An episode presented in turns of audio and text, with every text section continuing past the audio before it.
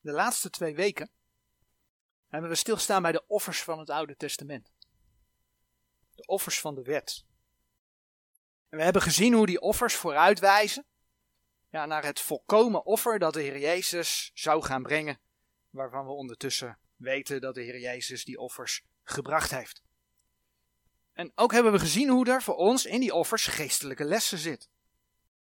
Geestelijke lessen van toewijding aan de Heer. Als mens ben je zondig, maar de Heer Jezus heeft met zijn volmaakte offer verzoening met de Heere God mogelijk gemaakt. Op basis daarvan mag je als kind van God je leven elke dag, die offers werden elke dag gebracht, elke dag toewijden aan de Heer. Niet meelopen met de wereld. Je vlees voor dood houden. Je lichaam stellen tot een gode welbehagelijke offerande. Je leden stellen tot wapenen der gerechtigheid. Goden tot wapenen der gerechtigheid. Je mag alle dingen ja, in de handen van de Heer leggen. Je mag dingen aan de Heer geven.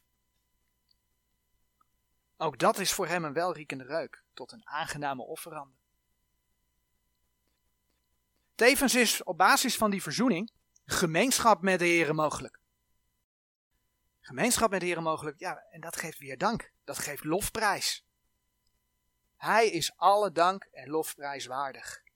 Zo mag je de Heer, zagen we een offerande, noemt het Nieuwe Testament, de brief aan de gemeente ook zo, een offerande des lofs brengen. Opofferen. Nou, we zagen al dat dit alles niets te maken heeft met redding. Ja, natuurlijk wel dat de Heer Jezus voor onze zonde gestorven is en opgestaan is, dat we met God verzoend zijn, dat heeft met redding te maken. Maar die toewijding heeft niet met redding te maken. Want behoud, zegt Efeze 2, vers 8 tot en met 9, dat is uitgenade door het geloof en niet door de werk. Als we Efeze er even bij pakken, wat ik net zei, dat staat in Efeze 2, vers 8 en 9. Als je één bladzijde terug doet, dan zie je in Efeze 13 en 14 dat als je tot wedergeboorte gekomen bent, hè, als je het woord gehoord hebt, als je het woord aangenomen hebt, als je het gelooft, dat je verzegeld wordt door de Heilige Geest. En dan staat er in Efeze 1, vers 14 dat je dan de verlossing verkregen hebt. God heeft het je gegeven. Dus die verlossing is van je. Dat heb je van Hem gekregen. Efeze 1, vers 14, die het onderpand is van onze erfenis. Het gaat over de Heilige Geest. Tot de verkregen verlossing, tot prijs zijner heerlijkheid. En dan bladeren we even terug naar Efeze 2. Want we komen op die werken uit. Nou, werken hebben dus niks met behoud te maken. Efeze 2, vers 9. Niet uit de werken opdat niemand roemen. Maar als je dan in Efeze 2, vers 10 kijkt, dan zie je dat de Heer je als gelovige vraagt om te wandelen in de werken die Hij voor jou voorbereid heeft. Dus dan, hey, dan komen die werken opeens wel naar voren. Ik lees het vers nog maar een keer, Efeze 2, vers 10. Want wij zijn zijn maaksel. Nou, niet als je als babytje op aarde geboren wordt. Dan word je in je zondige natuur geboren. Maar als je Jezus Christus hebt aangenomen, dan ben je zijn maaksel. Dan ben je namelijk geschapen in Christus Jezus. Dan ben je tot wedergeboorte gekomen. Want wij zijn zijn maaksel, geschapen in Christus Jezus, tot goede werken welke God voorbereid heeft opdat wij in dezelfde zouden wandelen. Nou, dat heeft alles te maken met het behalen van loon en kroon. Je kunt als, als wederomgeborene niet verloren gaan. Als al je werken voor de rechterstoel van Christus verbranden, kun je wel schade lijden. En dat kun je vinden in 1 Korinthe 3, vers 13 tot en met 15.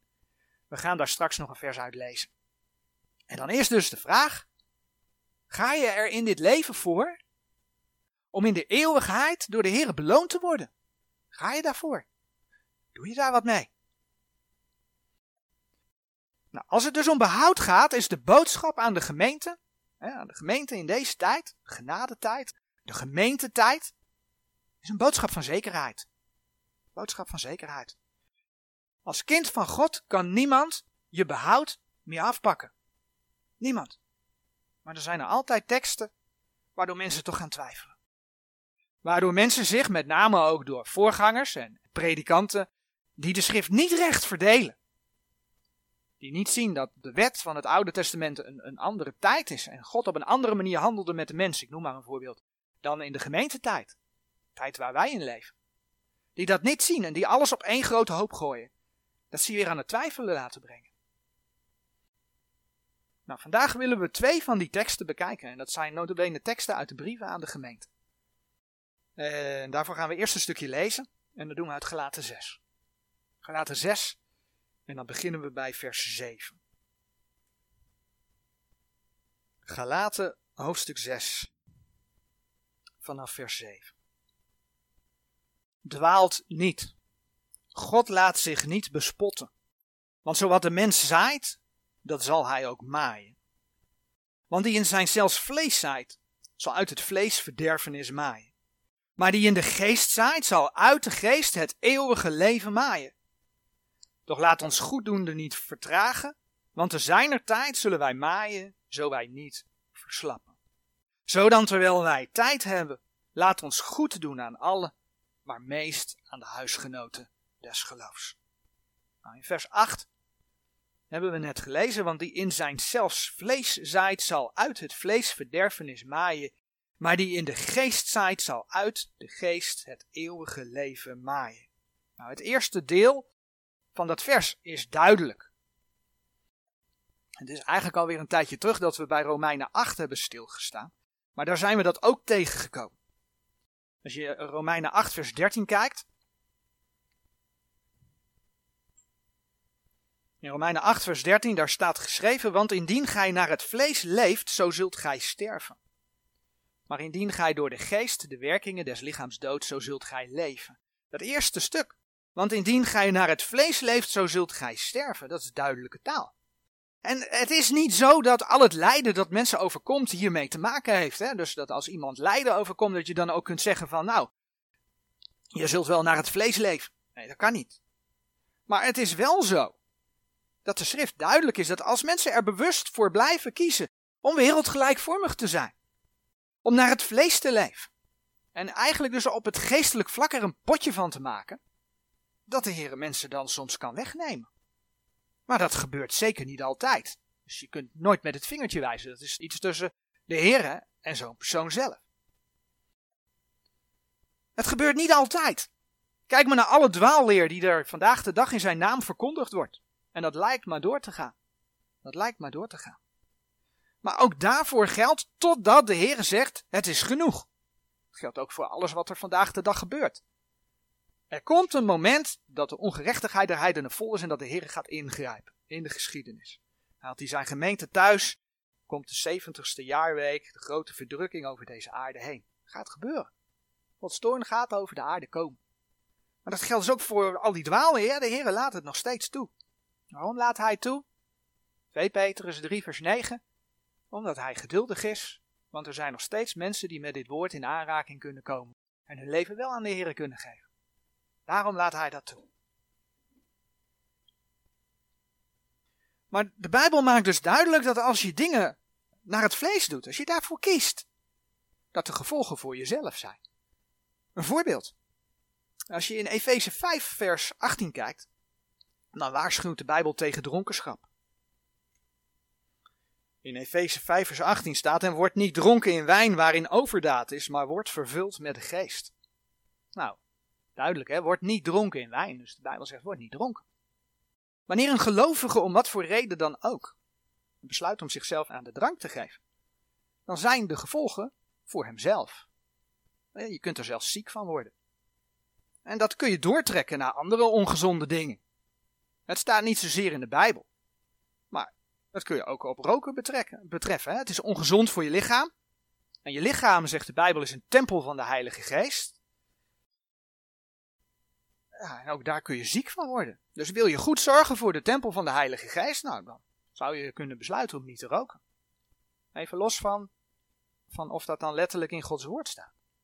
Nou, doe je het wel, ja, dan weet je ook dat je er ziek van kunt worden. Maar het punt is, als kind van God kun je niet verloren gaan. Dat, dat staat helemaal los van of je dat soort dingen doet of niet.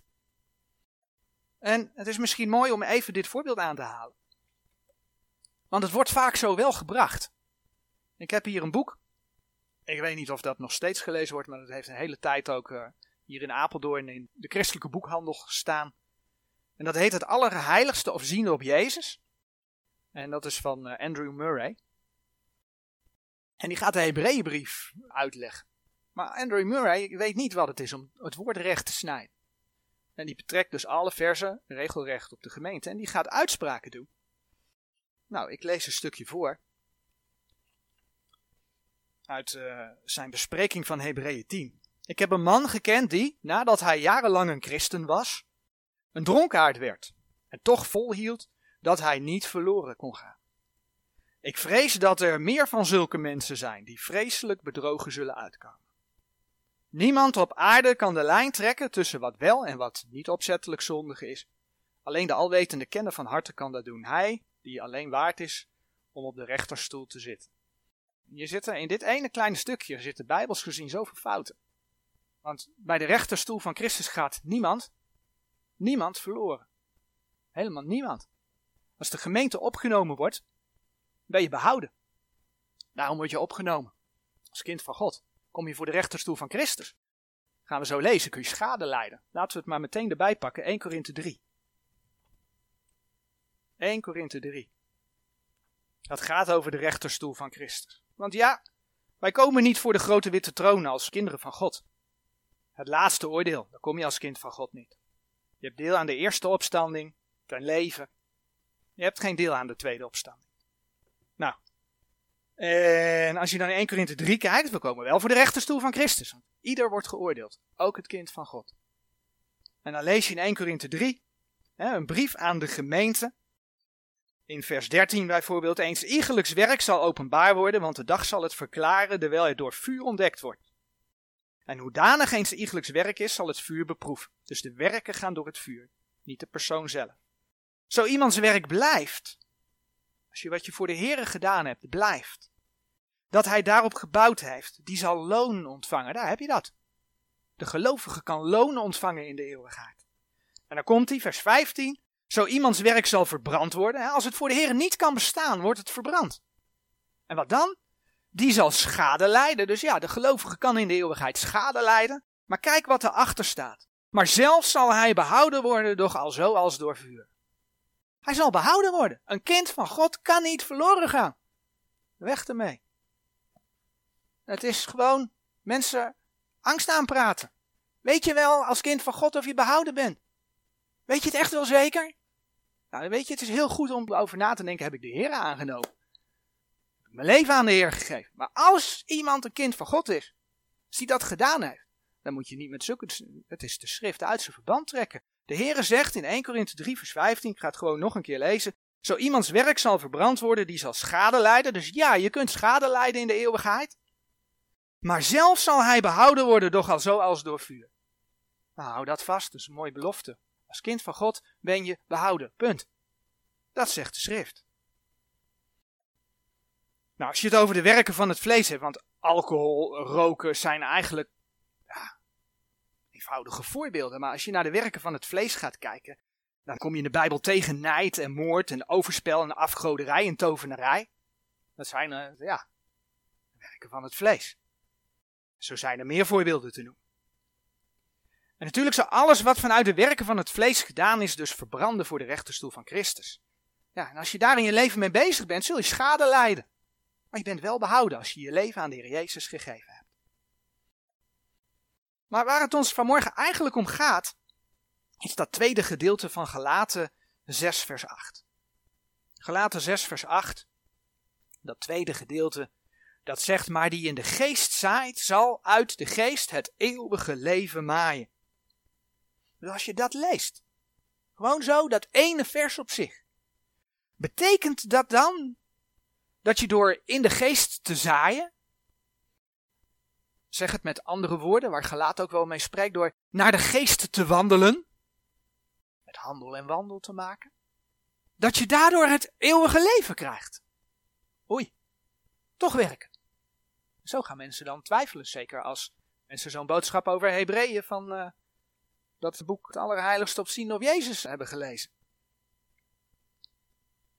Nee, de Heer is duidelijk. We hebben het net gelezen, 1 Korinthe 3 vers 15. Al verbranden al je werken, de persoon zelf, als je de Heer Jezus kent, is behouden. Klaar. Een ander mooi vers. 1 Johannes 5, vers 12 en 13. Twee versen. 1 Johannes 5, vers 12 en 13. Twee versen die, uh, die ik op straat nog wel veel gebruik. Als we gaan straatbreken. In uh, 1 Johannes 5 laat ik vers 11 erbij lezen. En dit is de getuigenis, namelijk dat ons God het eeuwige leven gegeven heeft. En ditzelfde leven is in zijn zoon. Die de zoon heeft, die heeft het leven. Als je Jezus Christus kent, als je persoonlijke verlosser, dan heb je het leven. Die de zoon Gods niet heeft, die heeft het leven niet. Zonder Jezus Christus heb je het eeuwige leven niet. Vers 13. Deze dingen heb ik u geschreven die gelooft in de naam van de Zoon Gods, opdat gij weet. Weet, je kunt het weten. Opdat gij weet dat gij het eeuwige leven hebt. En opdat gij gelooft in de naam des Zoons van God. Dus laat je als kind van God die zekerheid nooit afhandig maken. Nooit. Maar wat betekent dat vers dan? Wat betekent dat vers dan? Gelaten 6 vers 8 bedoel ik. Nou, het maaien van verderfenis uit het vlees, waar we eerst bij stilstonden, heeft dus in de eerste plaats te maken met gevolgen hier op aarde. Wat gelaten 6 vers 7 ook zegt, wat je zaait zul je oogsten. Nou, daar is de Heer heel duidelijk in. Wat je zaait zul je oogsten. Ja, en dat werkt door in de eeuwigheid. Maar zo is het ook met maaien uit de geest. Dat heeft ook hier op aarde consequenties. Als je dingen voor de Heer doet. En ja, dat werkt door in de eeuwigheid. Laten we andere versen opzoeken die ook over maaien spreken. En dat vinden we in Johannes 4.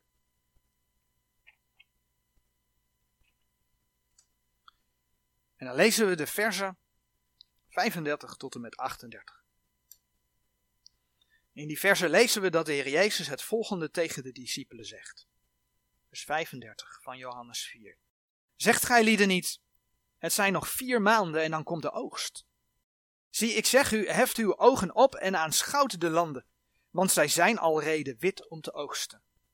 En die maait ontvangt loon, daar heb je het loon weer. En die maait ontvangt loon en vergadert vrucht ten eeuwige leven. Opdat zich tezamen verblijden beide die zaait en die maait. Want hierin is de spreuk waarachtig, een ander is het die zaait en een ander die maait. Ik heb u uitgezonden om te maaien hetgeen gij niet bearbeid hebt. Anderen hebben het bearbeid. Gij zijt tot hun arbeid ingegaan. We zien hier in ieder geval dat de discipelen uitgezonden worden om te maaien. Het zaaien is gebeurd en de discipelen gaan hier maaien. Nou, maaien houdt in dit geval in om mensen uit de landen, want zo staat dat in dat vers geschreven, tot de Heer Jezus te brengen. Eigenlijk waar we vanmorgen een stukje getuigenis vanuit Ierland, ja niet vanuit, je stond hier, maar over de straatpreekweek in Ierland gehoord hebben. Mensen uit de landen de Heer Jezus leren kennen. Met andere woorden, toegepast op de gemeente. De Heer gebruikt sommigen om te zaaien, hij gebruikt anderen om te maaien, daarop te bouwen en door het woord mensen tot de Heer te mogen leiden. Dan wordt er gemaakt. En die mensen krijgen dan het eeuwige leven. Dus wat maai je? Je maait het eeuwige leven. Je maait dat mensen het eeuwige leven krijgen. En wat staat er over die maaiers? Ik heb het net benadrukt toen we die vers in Johannes 4 hebben gelezen. Dat zij loon ontvangen. Ze krijgen loon. Ze vergaderen vrucht ten eeuwige leven. Dus door het maaien ontvangt de gelovige loon. En dat loon dat is vrucht voor het eeuwige leven. Nou, dat zien we ook in de brief aan de gemeente. De Thessalonicensen die zijn door Paulus tot geloof gekomen, zoeken we 1 Thessalonicense 1 vers 6 op. Zijn door Paulus boodschap tot geloof gekomen. 1 Thessalonicense 1 vers 6. Dan zegt Paulus tegen de Thessalonicensen: Gij zijt onze navolgers geworden en des Heren. Het woord aangenomen hebbende in veel verdrukking, met blijdschap des Heilige Geestes.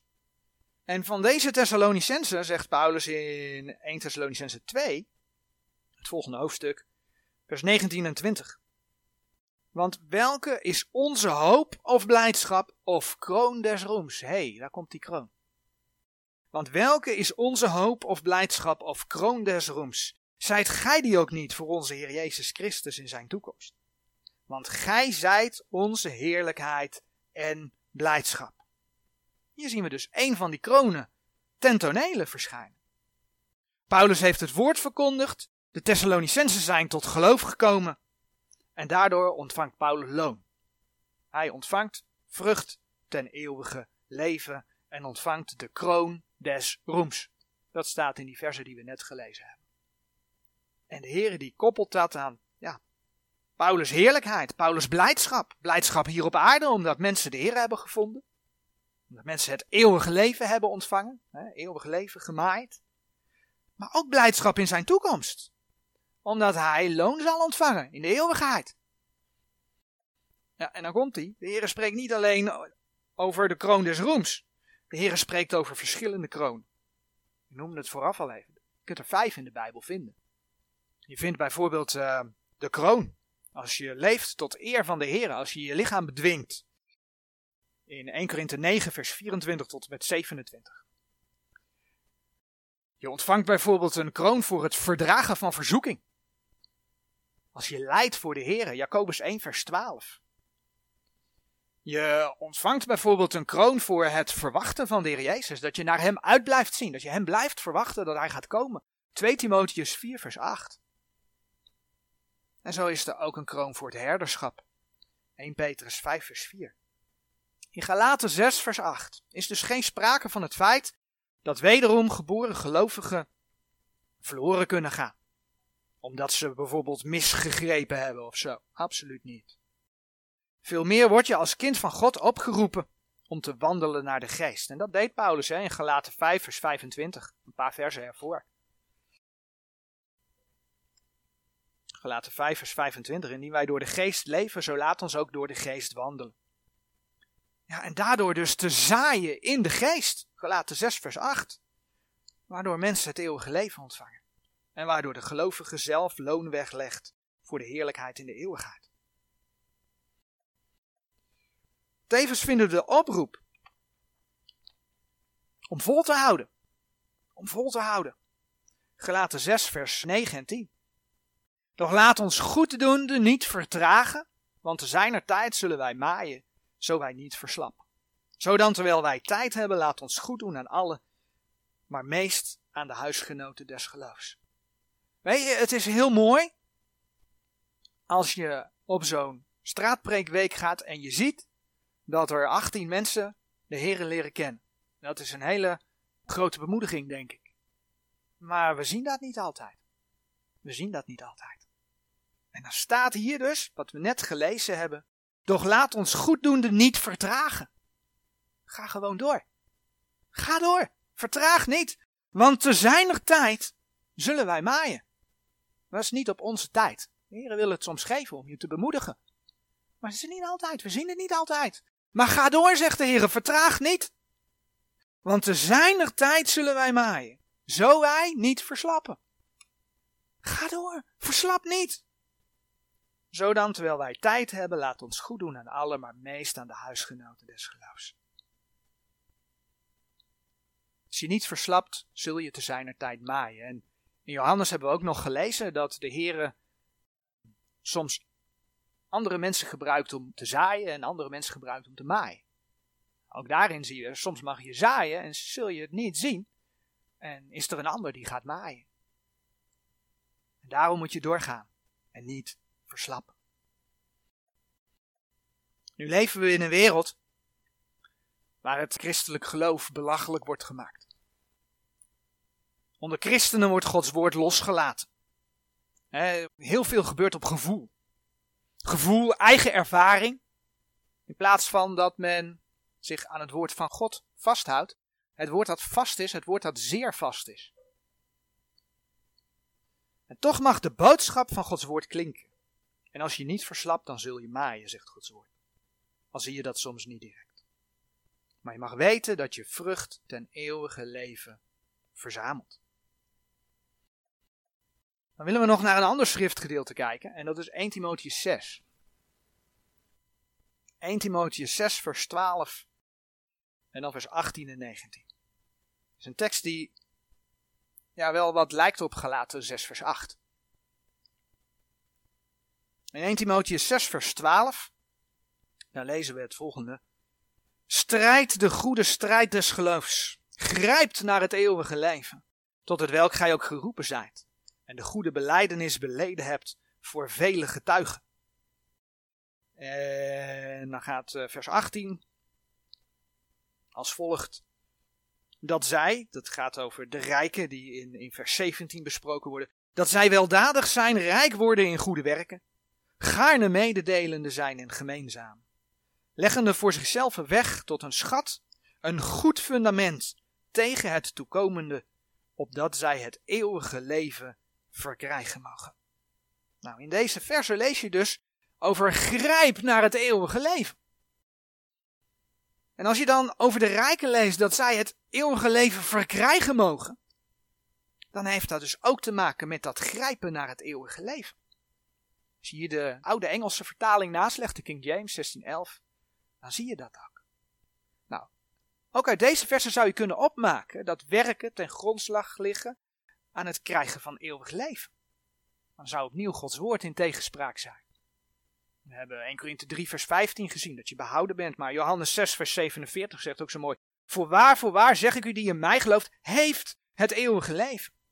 Nou, wat is nou het verschil hebben tussen het eeuwige leven hebben en grijpen naar het eeuwige leven? We zien in de context dat het grijpen naar het eeuwige leven te maken heeft met het strijden van de goede strijd des geloofs. Dat hebben we in 1 Timotheus 6 vers 12 gelezen. Strijd de goede strijd des geloofs.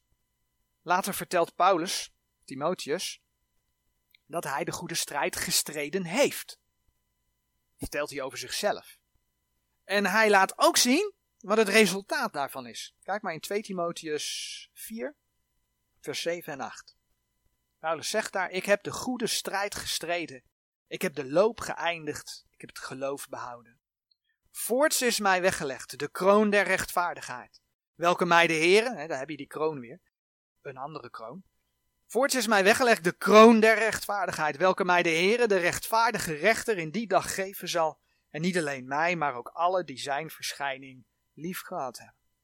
Paulus verbindt aan de roep om het eeuwige leven te krijgen de opdracht om de goede strijd te strijden. Je kunt dus grijpen naar het eeuwige leven door te volharden in wat je doet voor de Heer Jezus. In je toewijding aan de Heer. En dat betekent dus dat je loon krijgt. Door Paulus' volharding heeft hij het geloof behouden, schrijft hij. En is hij de Heer Jezus blijven verwachten. En dat geeft hem die kroon. Dat loon. Vrucht ten eeuwige leven heeft hij vergaderd. In dit geval de kroon der rechtvaardigheid. Nou, op een andere plek en die zoeken we even op. Dat is 1 Korinthe 9, vers 24 tot en met 27. Dan zien we dat Paulus het christelijke leven vergelijkt met een wedstrijd. 1 Korinthe 9, vers 24. Een wedstrijd, en daar komt een van die andere kronen naar voren. Waarbij men de onverderfelijke kroon kan verdienen. Paulus heeft zijn lichaam bedwongen en tot dienstbaarheid gebracht, om zo de strijd te strijden. Laten we die versen gewoon even lezen. 1 Korinthe 9 vers 24. Weet gij lieden niet dat die in de loopbaan lopen, alle wel lopen, maar dat één de prijs ontvangt, loopt al zo dat gij die moogt verkrijgen. En een iegelijk die om prijs strijdt, onthoudt zich in alles. Deze dan doen wel dit, opdat zij een verderfelijke kroon zouden ontvangen, maar wij een onverderfelijke. Ik loop dan al zo, niet als op het onzekere, ik kamp al zo, niet als de lucht slaande. Maar ik bedwing mijn lichaam en breng het tot dienstbaarheid, opdat ik niet enigszins, daar ik anderen gepredikt heb, zelf verwerpelijk worden. Het gaat dus om, om het je onthouden van dingen, om je lichaam te bedwingen en zo die onverderfelijke kroon te verdienen. Ook dat heeft dus met die toewijding te maken. Wat we bij de offers gezien hebben, dat je je lichaam stelt tot een gode, welbehagelijke offerande. Dat was Romeinen 12 vers 1. Zo zien we dus in 1 Timotheus 6 vers 19 dat uh, Timotheus de rijken moet oproepen om goede werken te doen, om uit te delen, want ze zijn rijk. Uit te delen van hun rijkdom. Dus de manier van, van leven op aarde heeft invloed op hoe zij grijpen naar het eeuwige leven. En als we dan naar de woorden in dat vers kijken, dan is het wegleggen tot een schat, een goed fundament tegen het toekomende. Dat heeft met de toekomst te maken. Hetzelfde als het vergaderen van vrucht en eeuwige leven. Dus door uit te delen van hun rijkdom kunnen de rijken loon en kroon verkrijgen in de eeuwigheid. Het is een vorm van die goede werken die ze doen voor de Heer. Ja, vertaal je dit naar iedereen, dan is het dus een oproep om rijk te zijn in goede werken. Doe iets met wat de Heer aan je gegeven heeft. Wandel in de werken die Hij voor je voorbereid heeft. Efeze 2, vers 10. Dus het grijpen naar het eeuwige leven is dus het grijpen van onze toekomstige beloning. Ga ervoor. Of zoals de Heer het door Paulus zegt in Filippenzen 3, vers 14. Filippenzen 3, vers 14. Maar één ding doe ik, vergetende hetgeen dat achter is, en strekkende mij tot hetgeen dat voor is, jaag ik naar het wit tot de prijs der roeping Gods die van boven is in Christus Jezus. Jaag erna. In de pauze had ik het er nog met iemand over. Wat achter je is, heeft geen zin om daarnaar te kijken. Vergetende hetgeen dat achter is en strekkende mij tot hetgeen dat voor is. Jaag ik naar het wit tot de prijs der roeping Gods die van boven is in Christus Jezus. Of zoals uh, Johannes het zegt in 2 Johannes 8. Vlak voor openbaring. Tweede Johannesbrief, vers 8. Zie toe voor uzelf dat wij niet verliezen hetgeen wij gearbeid hebben, maar een vol loon mogen ontvangen. Een vol loon. Laat je dus geen twijfel aanpraten. Door mensen die beweren dat werken wel een rol spelen in het behoud. Dat is niet zo. Ja, werken spelen ook voor de gelovigen vandaag de dag een rol. Zelfs een rol voor het eeuwige leven. Maar dat heeft dus niet met je behoud te maken, maar dat heeft met loon en kroon te maken. Vorige week haalde ik kort aan dat toewijding te maken heeft met loon en kroon. In de eeuwigheid. Nou, vanmorgen hebben we een aantal voorbeelden van toewijding en beloning mogen zien. waar krijg je een kroon voor? En je mag op die manier het eeuwige leven maaien. Je mag op die manier grijpen naar het eeuwige leven. Je mag op die manier wegleggen tot een schat, een goed fundament tegen het toekomende. Ergens anders zegt de Heer in zijn woord dat je schat in de hemel is. Eerder een boodschap stilgestaan dat we gericht moeten zijn op boven. Zeker in deze onrustige tijd. Ja, dat moet je eigenlijk altijd al, maar we moeten gericht zijn op boven, op Hem. Dan leg je een schat weg. Oftewel, streven naar vrucht ten eeuwige leven, naar een vol loon. En de vraag is, ga je daarvoor? Ga je voor dat volle loon? Amen.